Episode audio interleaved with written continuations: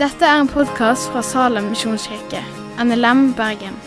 For mer informasjon om Salem, gå inn på salem.no.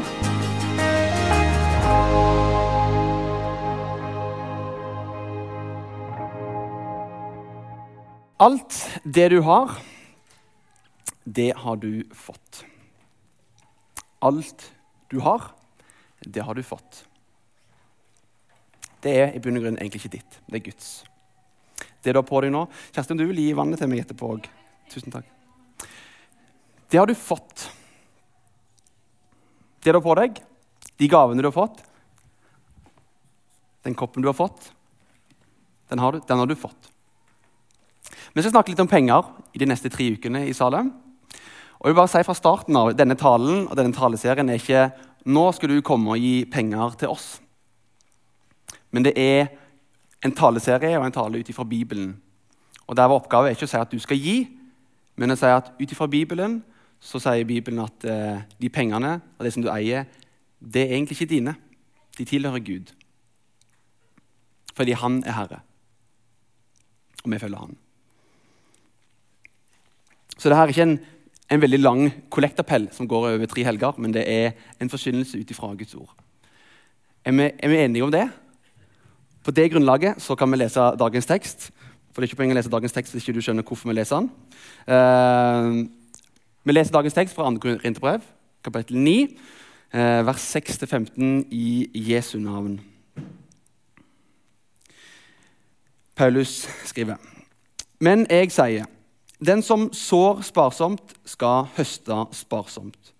Og den som sår med velsignelse, skal høste med velsignelse. Enhver skal gi det han har bestemt seg for i sitt hjerte, ikke muligst eller av tvang. For Gud elsker en glad giver. Og Gud makter å gi dere all sin gave i rikt mål, så dere alltid og under alle forhold har nok av alt. Ja, overflod til all god gjerning. For det står skrevet han strødde ut og ga til de fattige. Hans rettferd skal alltid vare. Han som gir såkorn til den som skal så, og brød til å ete, han skal òg gi dere såkorn, og la det bære rikelig, og la deres rettferdighet bære rik frukt. Dere skal ha rikelig av alt, så dere gjerne vil gi. Og så skal takken stige opp til Gud når vi overbringer gaven. For denne tjenesten, denne gudstjenesten, er ikke bare en hjelp for de hellige i deres nød. Den skaper òg en overflod av takk til Gud. Når dere trofast har fullført tjenesten, vil de prise Gud fordi dere var lydige og bekjente dere til Kristi evangelium og helhjertet delte med deg og med alle. Og de vil be for dere og lengte etter dere, fordi Gud har gitt dere denne overveldende nåden. Gud være takk for sin usigelige gave. Dette var Guds ord til oss i dag, Guds ord til deg i dag. La oss be. Jesus, vi ber om at du kommer og berører oss i dag. Vis oss noe om hvem du er i dag. Vi ber som alltid at du stiger ut fra teksten og og vis oss mer av hvem du er. Og Vi ber Herre om at du ved ditt ord og gjennom din Hellige Ånd kan male Kristus for oss. Det er det bare du som kan gjøre. Og Herre, vi stiller oss i beundring og i forventning til at du vil male Kristus for oss. For riket er ditt, og makten den er din, og æren er din i all evighet. Amen. Paulus holder på å samle inn en pengegave, en større innsamlingsaksjon. Bakgrunnen for det er at menigheten i Jerusalem, de kristne i Jerusalem de er i nød. Hvorfor er de i nød? De er i nød av i hvert fall to grunner. Det ene er at det er hungersnød, og at de som omvender seg fra jødedommen, de blir utstøtt og får ikke noe hjelp fra familiene sine og får ikke noe hjelp fra samfunnet. Så de er i nød. De trenger penger. Apostlene med Paulus i spissen kan ut som, sier at dette holder ikke. Vi må hjelpe de fattige. Vi må hjelpe de fattige hellige i Jerusalem. Så Paulus er i hvert fall rundt og samler inn penger rundt forbi, bl.a. i menigheten i Korint, som vi leser om nå. Så det er bakgrunnen for denne innsamlingsaksjonen.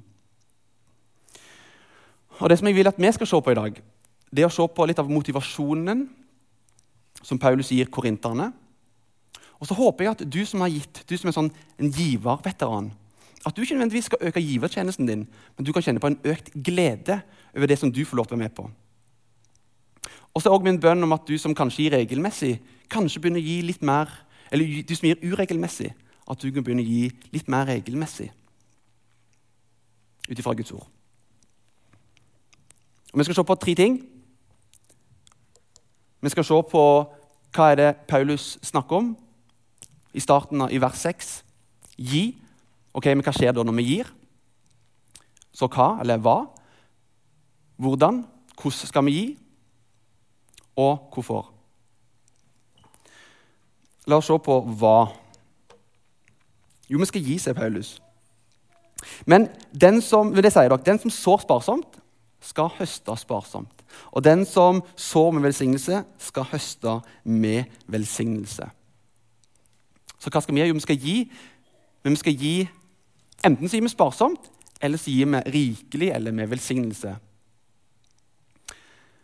Når Gud når vi i Guds regnestykke, hvis en ønsker å ha en større sum, så trekker du noe ifra. Da blir summen større. Men det er motsatt av hva vi lever og er trent til. Fordi Hvis du ønsker å ha mest mulig vann i en beholder, så er det om å gjøre å unngå at det detter vann ut for å ha mest mulig. Men i Guds regnestykke så blir det motsatt. Her er det sikkert mange som kan matte. 10 minus 1, det er, det er 9. 10 minus 0, det er 10. ja. Så hvis du ønsker å beholde den store summen 10 og ikke gå til 9, da, du altså, da prøver du å legge på en 0 og ikke legge på en 1. sant? Ja, Det er riktig kanskje matematisk, men problemet og feilen er at Gud er ikke ligningen. Og Det ønsker jeg i dag å kanskje snu tankegangen vår. Og på ny, eller for tusende gang, involvere Gud inn i regnestykket. At han blir en del av dette regnestykket som vi lever i med våre penger.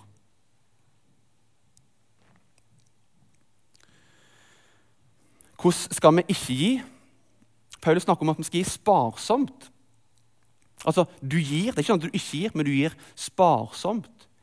Hvis jeg sier 'spar livet mitt', så sier jeg 'jeg vil ikke gi livet mitt, jeg vil beholde det sjøl'. Men Paulus skriver om at Gud han sa han sparte ikke sin eneste sønn, men Gud han ga. Gud han, han delte. Ville holde, Gud ville ikke holde Jesus for seg sjøl. Han ville dele med oss. Så gi av et sparsomt hjerte. Det handler om at du gir, men du gir kanskje så, så lite som mulig og ikke har dårlig samvittighet. Kanskje det er som en, en magnet som tiltrekkes alle eiendelene våre.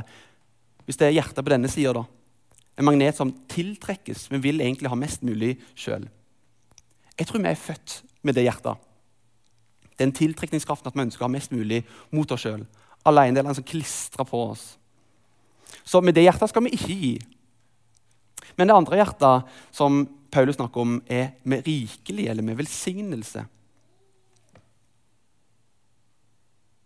Å gi rikelig, det ønsker å gi fra et hjerte som ønsker å gi. Som ønsker å dele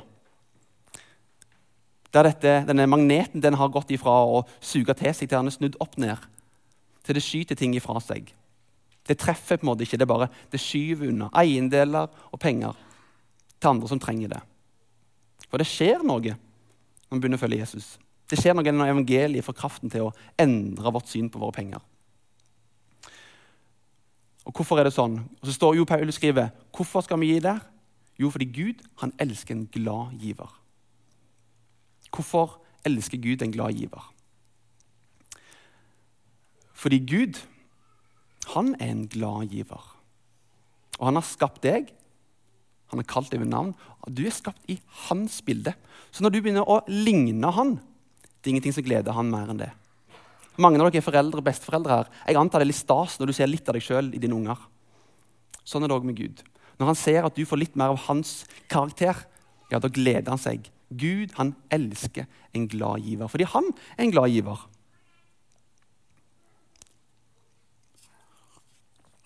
Mitt spørsmål i dag av disse to hjertene Hva hjerte har du i dag?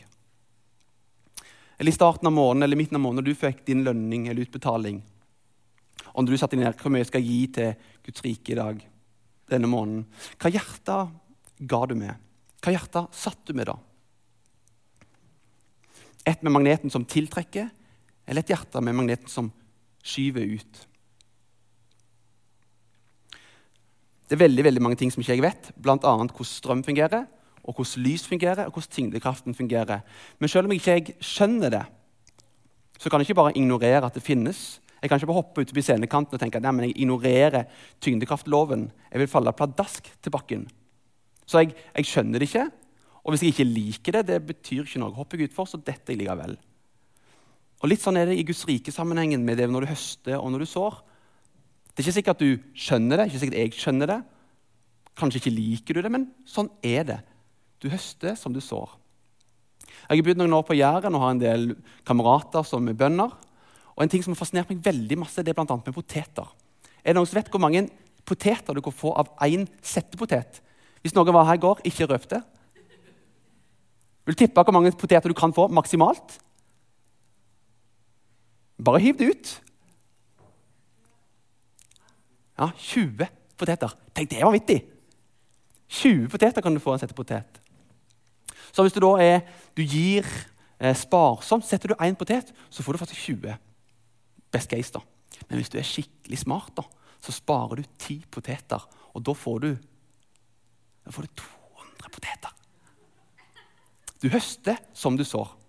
Om du skjønner det eller ikke, om du liker det ikke, det er liksom sånn tyngdekraftens lov. Sånn er det òg med settepoteter og andre ting. Men du vet ikke om du får 20. Du vet ikke om du får null. Og sånn er det også. Jeg står ikke her og sier nå skal du gi 100 kroner, og så kommer Gud til å velsigne med 1000 kroner etterpå. Vi er ikke der. Jeg er ikke der i det hele tatt. Men Bibelen snakker om at du sår noe, og så er det Gud som gir en vekst. Og Kanskje ikke du får vite hva veksten er. Kanskje du har gitt penger i kollektbøsser nå i 40 år, og kanskje du har fått bekreftelse på hvor pengene er brukt. Men Gud han har brukt det, uansett om du får beskjed om det eller ikke. Det er den tyngdekraft, eller eh, du høster som du sår. Så oppsummert, hva skal vi gjøre? Jo, vi skal gi. Og vi vet ikke hvordan det lander, men vi skal gi med et, et rikelig hjerte, et velsignende hjerte. Med en sånn magnetpole som skyver fra oss sjøl over på andre som trenger det. Hvordan skal vi gjøre det? Vi skal gi med glede, og vi skal gi regelmessig etter det vi har bestemt oss for i vårt hjerte. Og Paulus skriver i vers 7.: Enhver skal gi det han har bestemt seg for i sitt hjerte, ikke med ulyst eller av tvang, for Gud elsker en glad giver. Så vi skal gi med glede. Vi skal gi med glede. Det begynner ikke med et beløp, men det begynner med innstillingen. Og det nye testamentet snakker ikke så mye om prosentsats og beløp, men det snakker om en innstilling, et gledelig hjerte. Gud vil at vi skal gi med glede. Men vi skal òg gi regelmessig. Og Paulus skriver det i sitt første brev til korinterne. For Han lærte de å gi med glede, men òg at de skal gi systematisk og regelmessig, i vers 1-2. Når det gjelder innsamlingen til de hellige, så der han, snakket om det før også, Når det gjelder innsamling til de hellige, skal dere også, eh, dere gjøre slik jeg har pålagt menigheten i Galatia. Første dag i uka skal hver enkelt av dere komme eh, dere hjemme hos dere sjøl, legge til side så mye som dere er i stand til. For at innsamlingen ikke først skal begynne når jeg kommer. Så Paulus oppfordrer de, sett til side noe regelmessig penger til arbeidet. I dag vil vi kalle det for fast givertjeneste. Det er ikke et nytt begrep. Det har vært der så lenge som det har eksistert menigheter. Og Her er det mange som har gått lenger i økonomi enn det jeg har. Men en som Bill Hybels la fram en, sånn, en, en, plan for en sunn forvaltning som jeg likte, og som jeg og Brigitte lever etter. Og det Han skriver er betal Gud, betal deg sjøl, sparing, og betal regningene dine. Betal Gud, betal deg sjøl og betal regningene dine. Og så Siden det ikke finnes noen sånn maler på hvordan du skal gjøre det, men i fall for jeg som har lest noen ekteskapsbøker, økonomi er jo veldig farlig i ekteskapet, så skriver f.eks. Chapman, da, for å si han, han sier 10 til Gud, 10 til sparing og investering, med kalt å forvalte, og 80 til å betale regningene dine. Et sånt tips la alt skje automatisk. Det er sikkert mange av dere som allerede har eh, blitt bevisst på. Men Lønna eller pengene kommer inn automatisk. Men la trekkene og sparingen også gå automatisk. Samme dagen. For oss er det 15., så 15. det er liksom, det er money day. Og Da kommer alt inn, og så går alt ut. Så det 16. da, da har vi ingenting. Så 12. i dag, så det blir bra. Eh, men da går det automatisk. Du trenger ikke tenke på det. Først givertjenesten til Gud, så investering og sparing, og så er det regninger og ellers. Det er ikke alltid for tid og råd til denne Starbucks-kaffen, men det går helt fint. Fordi det er ikke det jeg setter min lit til. Så dette er bare et forslag. Ikke en fasit, men kanskje en sunn tilnærming for noen. Men for deg som eh, kanskje er litt yngre og ikke har begynt å gi, begynn i det små. Og for dere som har gitt det noen år og levd noen år Gud han velsigner deg. ikke sant? Han har velsigna deg med ulike jobber. Han har kanskje til og med velsigna deg med lønnsøkning. Hvis du holder deg til 10 da, ikke det skal være noe bud Men hvis Gud velsigner deg med en lønnsøkning, ja, gi han ære og takk tilbake til å øke givertjenesten din i takt med at Gud velsigner deg. For det er Gud som velsigner deg med den jobben. Så øk i takt med hvordan Gud velsigner deg. Hva skal vi gjøre? Vi skal så. Vi skal gi. Vi skal så rikelig. Vi skal så ut fra et hjerte der det skyver over på andre. Hvordan skal vi gjøre det? Jo, vi skal gi med glede, og vi skal gi regelmessig etter det vi sjøl har bestemt oss for i våre egne hjerter. Hvorfor skal vi gjøre det? Det finnes mange grunner til å gi.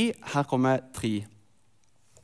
Eh, for å ta vare på de fattige, for å støtte misjonærer og for å støtte lokale, den lokale kirka. Paulus skriver dere skal ha rikelig av alt, som dere gjerne vil gi. Og så skal takken stige opp til Gud når vi overbringer gaven.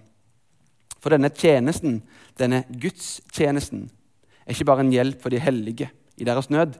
Den skaper òg en overflod av takk til Gud.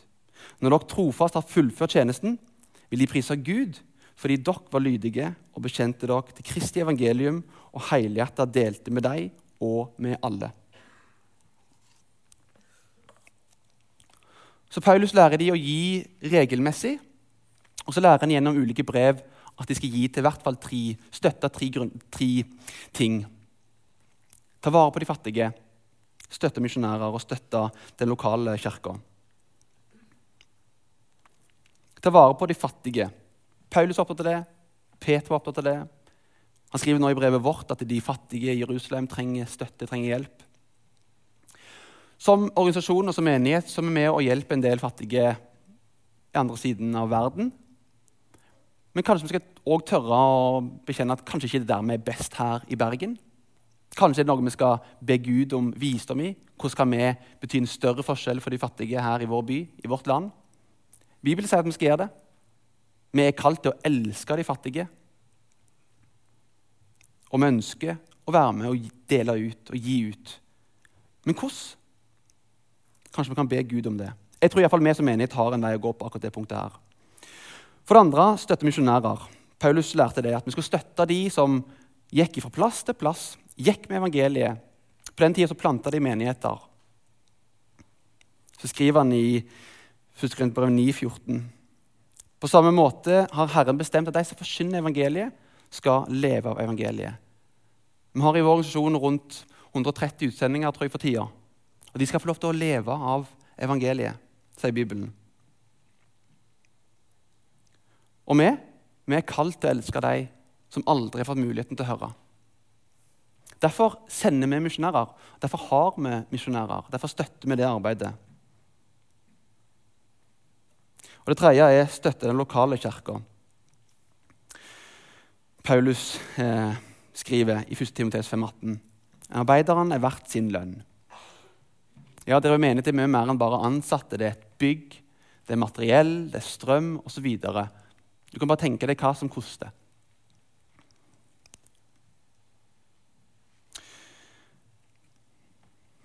Vi er òg kalt til å elske kirka vår, Guds familie. Så Derfor er vi med og støtter menigheten vår. Og For deg som ønsker å være en disippel, ønsker du skal høre dette. At Bibelen kaller oss til å gi systematisk og regelmessig. Og Noen av oss har hatt foreldre som har modellert i dette. Andre har ikke. Og Hvis du allerede er blitt modellert, så er det kanskje litt enklere enn for deg som ikke er blitt modellert det. Kanskje det er litt mer krevende for den som ikke er blitt modellert. Men kanskje 2023 kan bli det, det året der du begynner å gi fast og regelmessig. Og kanskje kan du være et forbilde å modellere for noen andre. For din egen del. Og så vil jeg si, særlig her i dag, da, her er det mange som er til Salem og arbeider i mange, mange år. Tusen takk. Gud han har brukt det på uante måter, og det sa jeg litt før òg. Men det er ikke sikkert du har fått beskjed om at de pengene der ble brukt til akkurat det der. Men Gud han har brukt det likevel. Har han ikke? Jo, det har han. Han har brukt de midlene til å spre sitt evangelie ut til nasjonene. Men hva med oss her i Salem? Vi har snakket om Paulus, snakket om Korint. Men hva med oss? Jeg drømmer om en menighet som gjør det vi har satt oss i fore å gjøre. At vi skal vinne, bevare, utruste og sende mennesker til Guds ære. Jeg drømmer om en kirke som ser mennesker bli frelst i fellesskapet vårt. Å ta imot Jesus. På bønnemøtene på tirsdag klokka 18 på undervisningsrommet, der ber vi hver tirsdag om 15 nye frelste Gud. Gud, kan du tro oss for disse 15 om du vil? Hvordan skal vi gjøre det? Skal vi starte opp med alfakurs igjen? Kunne vi hatt en åpen middag der vi hadde langbord inne i salen og inviterte inn en gang i uka til de som ikke hadde råd til middag? Vi spanderer. Kom når du vil, spis så mye du vil. Ja, Det ville kosta penger. Det ville kosta tid av oss. Men tenk hvor mange vi kunne ha betydd en forskjell for. Og vist Jesu kjærlighet for de som ikke kommer på gudstjenestene våre. Tenk for en mulighet. Og Jeg drømmer om en kirke som bevarer de unge i forsamlingen vår nå kan vi snakke om de, for nå er de ikke her. Trenger ikke snakke på engelsk. Men de unge i alder og de unge i sin vandring med Jesus. Vi har en fantastisk mulighet. Vi døper en 10-15 barn i året. Det kommer en 30-40-50 nye medlemmer hvert år. Unge studenter som kommer til byen. For en fantastisk mulighet vi har til å være med og bevare. Kunne vi ha satsa enda mer inn mot søndagsskolen? Kunne vi satsa enda mer på disippelgjøring? Satsa enda mer på ungdomsarbeid? Ja, vi kunne det, men det ville ha kosta. Men tenk så mange vi kunne vært med og bevart. Jeg drømmer også om en kirke som utruster. Utruster de hellige til tjeneste. Tenk hvis disse unge som vokser opp i Salem, kunne blitt utrusta til tjenesten. Utrusta den nådegaven som Gud har gitt dem, som han har lagt ned i dem. De unge vokser opp, studentene kommer til. Snittmedlemskapet vårt er fem år. Studentene er her da tre til fem år. For en fantastisk spennende mulighet vi har. Få de inn i fellesskapet, ta de gjennom løpet. Hvis de lener seg inn, utruste de til tjeneste og sende de til Guds rike, til Guds misjon. Hvilken organisasjon, hvilken menighet de begynner å gå i. Det kan vi ikke styre, og det betyr vel egentlig ikke så mye heller. Men vi får muligheten til å være med og utruste dem. Kanskje vi kunne satse enda mer på ledertrening. og andre ting. Kanskje vi kunne starte med lovsangskole for å utruste nye lovsangsledere. som vi så i dag. Ja, det ville ha kosta. Men tenk på alle de vi kunne ha utrusta. Vi har en fantastisk mulighet i Salem. Vi drømmer om en kirke som sender menighetsplantere og misjonærer i vårt eget land og ut til nasjonene. Kanskje kunne vi ha sendt fem nye misjonærer hvert år. Kanskje kunne vi ha sendt korttidsmisjonærturer i påsken, som vi gjorde i fjor påske. Så at vi spanderer halvparten så lenge du går og pursuer det som Gud har lagt ned i deg, og går med evangeliet. Eller kan vi kunne utruste flere menighetsplantere til å gå videre med evangeliet? Undersøkelser viser at nye menigheter når i større grad nye mennesker. Vi trenger et mangfold. Vi trenger Salem. Vi trenger også nye menigheter for å nå nye mennesker. Men det vil ha kosta. Men tenk så mange vi kunne ha nådd ut til. Men i alt dette så drømmer jeg om en kirke som gir sin økonomi til Guds ære. For å være i bildet at vi får et, en stor kake av Gud, det er vår økonomi. Daler det ned fra Gud, som han velsigner oss med. Sier vi Gud, tusen hjertelig takk for den gaven som du gir. Og Jeg skjønner ikke hvorfor du har gitt den til meg. egentlig. Jeg fortjener det ikke, men du har gitt den til meg allikevel.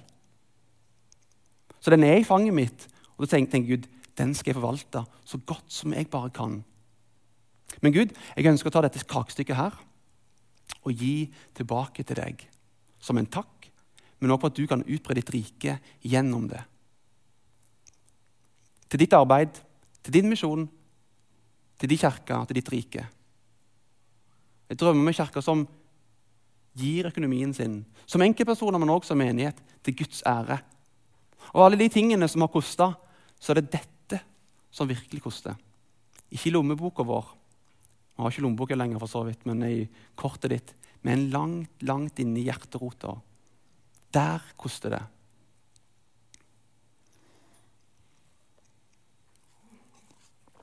Hvordan finner vi en motivasjon til en sånn radikal tro?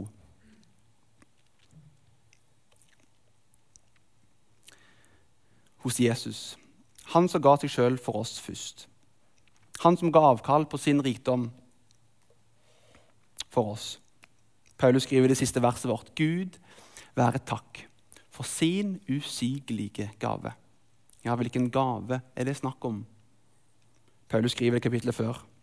Ennå han var rik, så ble han fattig for deres skyld, så dere skulle bli rike ved hans fattigdom. Takk, Gud for hans usigelige gave. Og Det er ingen tilfeldigheter om at for hver gang Jesus snakker om sex og hor, så snakker han ti ganger om penger.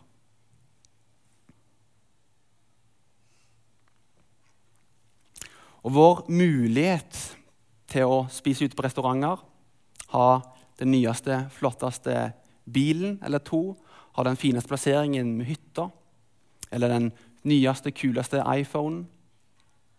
Eller de fineste skiparene. Det fjerde skiparet, gjerne. Eller muligheten til å reise til utlandet to til tre ganger i året. Eller ditt åttende skopar, løpeskopar for sesongen. De tingene der de stikker så mye dypere i oss enn det vi tenker. For når det skjer, da har ikke penger bare lenger blitt et verktøy som Gud har gitt oss for at vi skal leve og få gjøre Hans navn kjent. Men hvordan vet vi når penger har tatt overhånd? Tre ting. Det første er at hvis du får en mulighet til å gi en større pengegave til noen, så sliter du med det. For det andre du begynner å bli litt, du er litt sånn småredd for at du ikke får det som du egentlig fortjener. Hvis du er med i en Vipps-gruppe og alle har lagt ut, men så er det én som ikke betaler, så tenker du de der 120 kronene de skal jeg jammen ha tilbake igjen. Eller du sjekker lønnsslippen din hver eneste måned og bare dobbeltsjekker at det, du får faktisk utbetalt det du har satt deg for at du skal få. Du begynner å bli redd for at du kanskje går glipp av noe. Og Det tredje er at du begynner å se på de menneskene rundt deg og så begynner du å tenke den personen får det bedre til enn meg, tjener bedre enn meg. Og jeg er jo mye flinkere enn vedkommende. Jobber hardere. Jeg fortjener det vedkommende har. Og det er da vi sitter med den ene foten i fella. For da har ikke penger bare lenger blitt et verktøy som Gud har gitt deg, gitt meg, for å leve for å gjøre Hans navn kjent. Det er gått ifra et verktøy til selve måltavla i livet. Det er det Når du står opp, så er det det du måtte strekke deg etter. Det er det du måler livet rundt. Det er det som gir mening. Så penger er ikke lenger et verktøy. Det har blitt din identitet. En del av den du er. Hm.